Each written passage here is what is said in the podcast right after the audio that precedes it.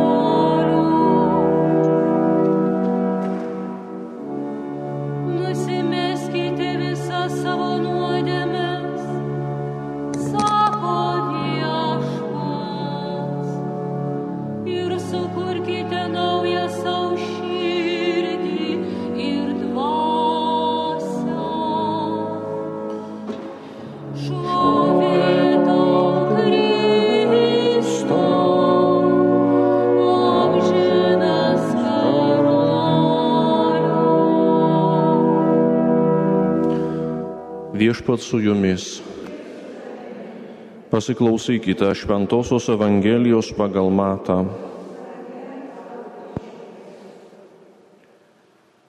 Anuomet Jėzus kreipėsi į minę ir į savo mokinius.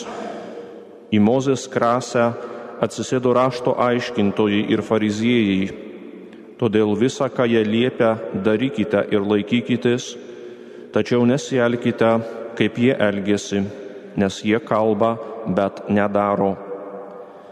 Jie ryša sunkes nepakeliamas naštas ir krauna žmonėms ant pečių, o patys nenori jų ne pirštų pajudinti. Jie viską daro, kad būtų žmonių matomi. Jie pasiplatina maldos diržus ir pasididina apseustus purgus.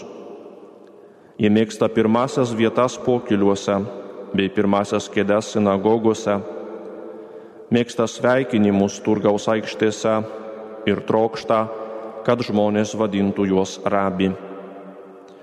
O jūs nesivadinkite rabi, nes turite vienintelį mokytoją, o jūs visi esat broliai. Ir nei vieno savo tarpe nevadinkite tėvų, nes turite vienintelį tėvą danguje. Taip pat nesivadinkite mokytojais, nes jūsų vienintelis mokytojas yra Kristus. Kas iš jūsų didesnis, tebūnė jums tarnas, nes kas save aukština, bus pažemintas o kas save žemina, bus išaukštintas. Girdėjote viešpaties žodį. Prašom trumpam prisėsti.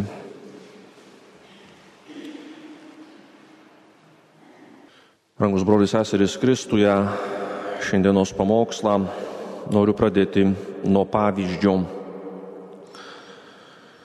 Taigi 1912 metais nuskendusio didžiulio keleivinio laivo Titanikas istorija yra labai įdomi.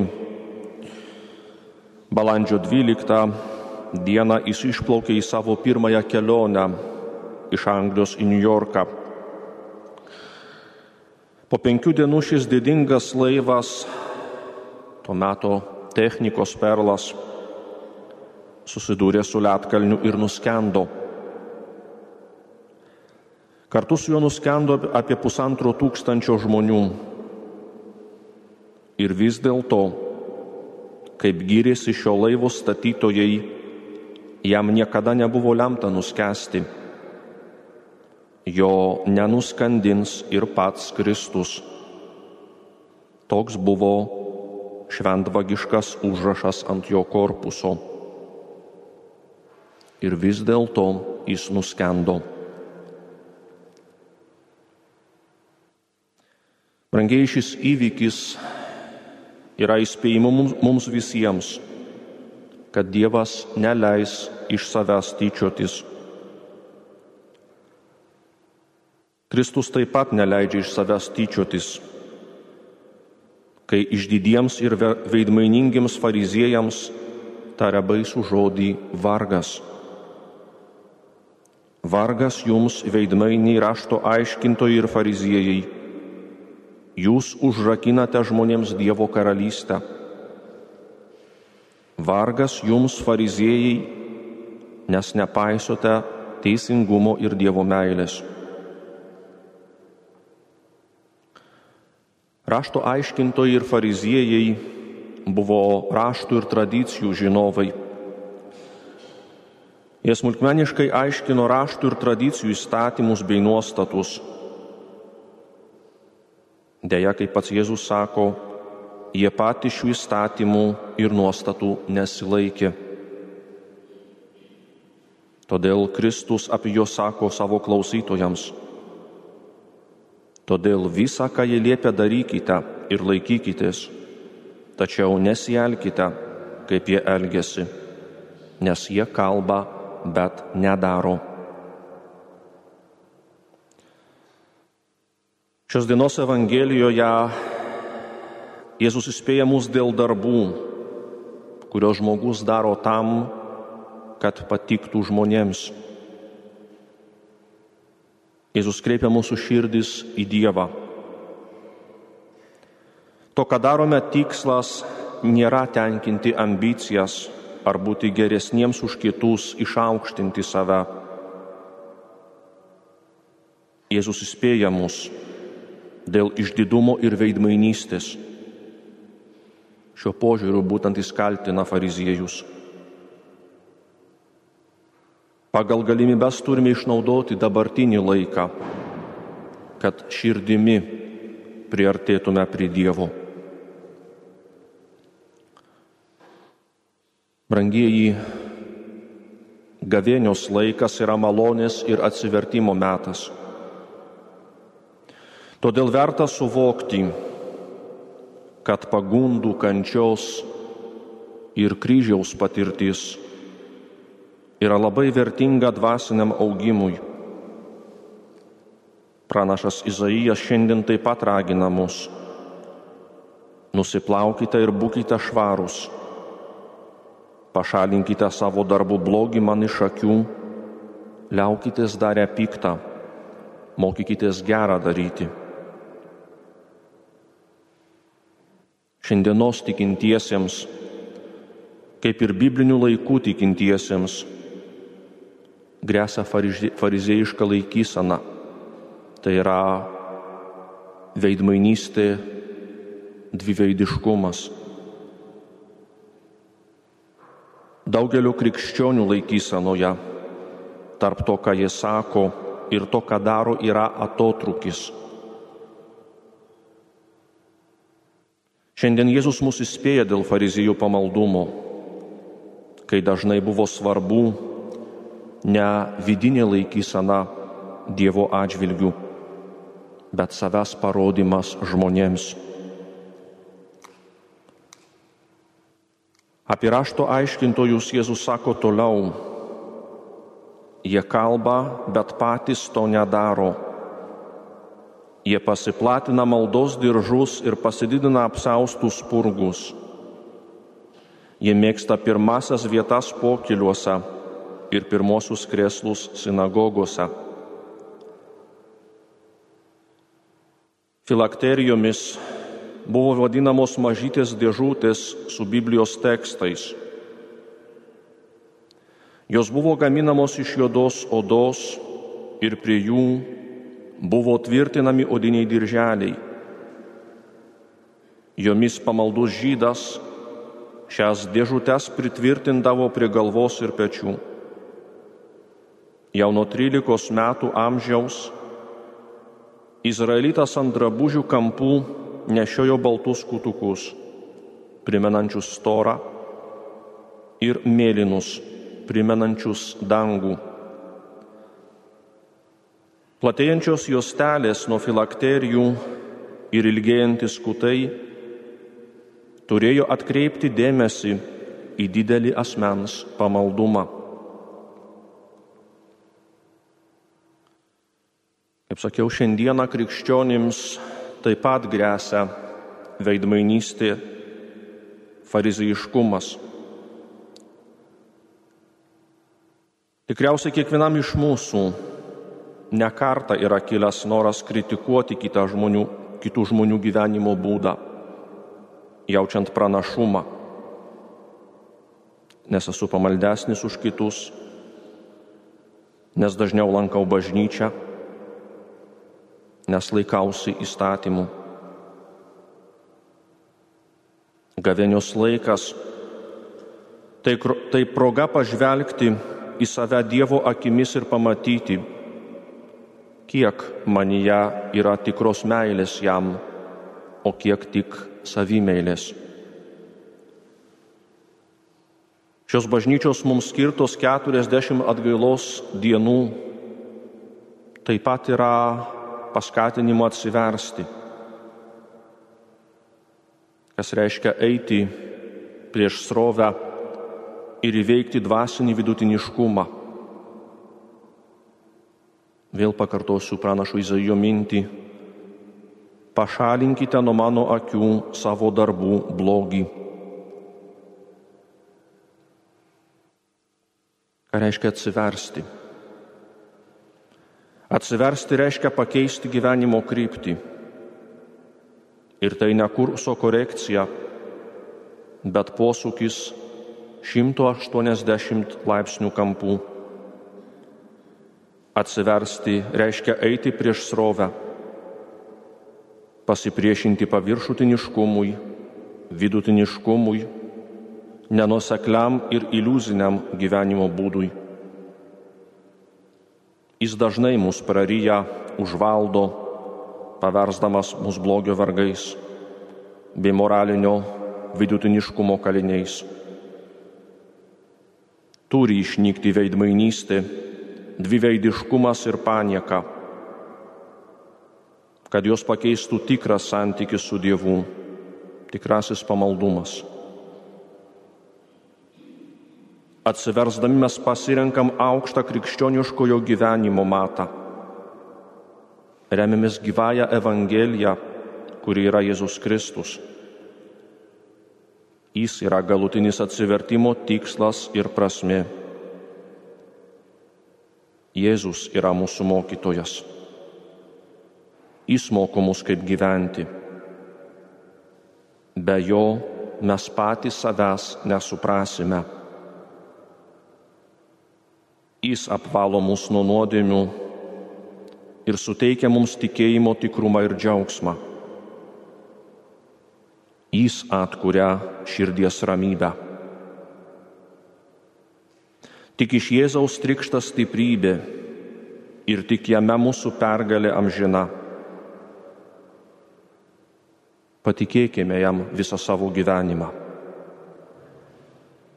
Tegul šis suvokimas mus veda į Velykinį džiaugsmą per maldą, pasninką ir išmaldą, bei nuolankų ir tylų Kristaus sekimą. Šios, ar, šios atsivertimo kelionės programa gali tapti žodžiai, kuriuos girdėjome prieš Evangeliją. Atmeskite nuo savęs visas nuodėmes ir susikurkite savo naują širdį ir naują dvasę. Vienas dievo baimingas garbaus amžiaus vyras prisipažindavo ne kartą. Jaunystėje, kai buvau kupinas meilės Dievui, maniau, kad atversiu visą pasaulį. Tačiau netrukus supratau, kad užteks, jei pavyks atversti savo miesto žmonės. Dėjau daug pastangų, bet nesėkmingai. Tada supratau, kad ėmiausi per didelės užduoties. Todėl kreipiausi tik į pačius artimiausius žmonės, bet ir jų man nepavyko atversti.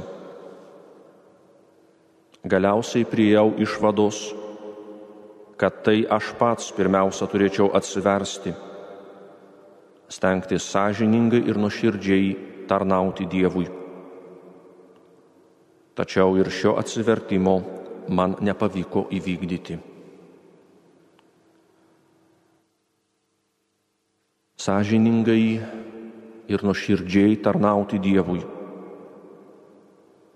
Būtent tokią išvadą padarė šis nuolankus Dievo baimingas vyras savo gyvenimo pabaigoje. Padarykim ir mes viską, kad ir mes sąžiningai ir nuoširdžiai tarnautume Dievui, vengdami savo gyvenime puikybės, veidmainystės.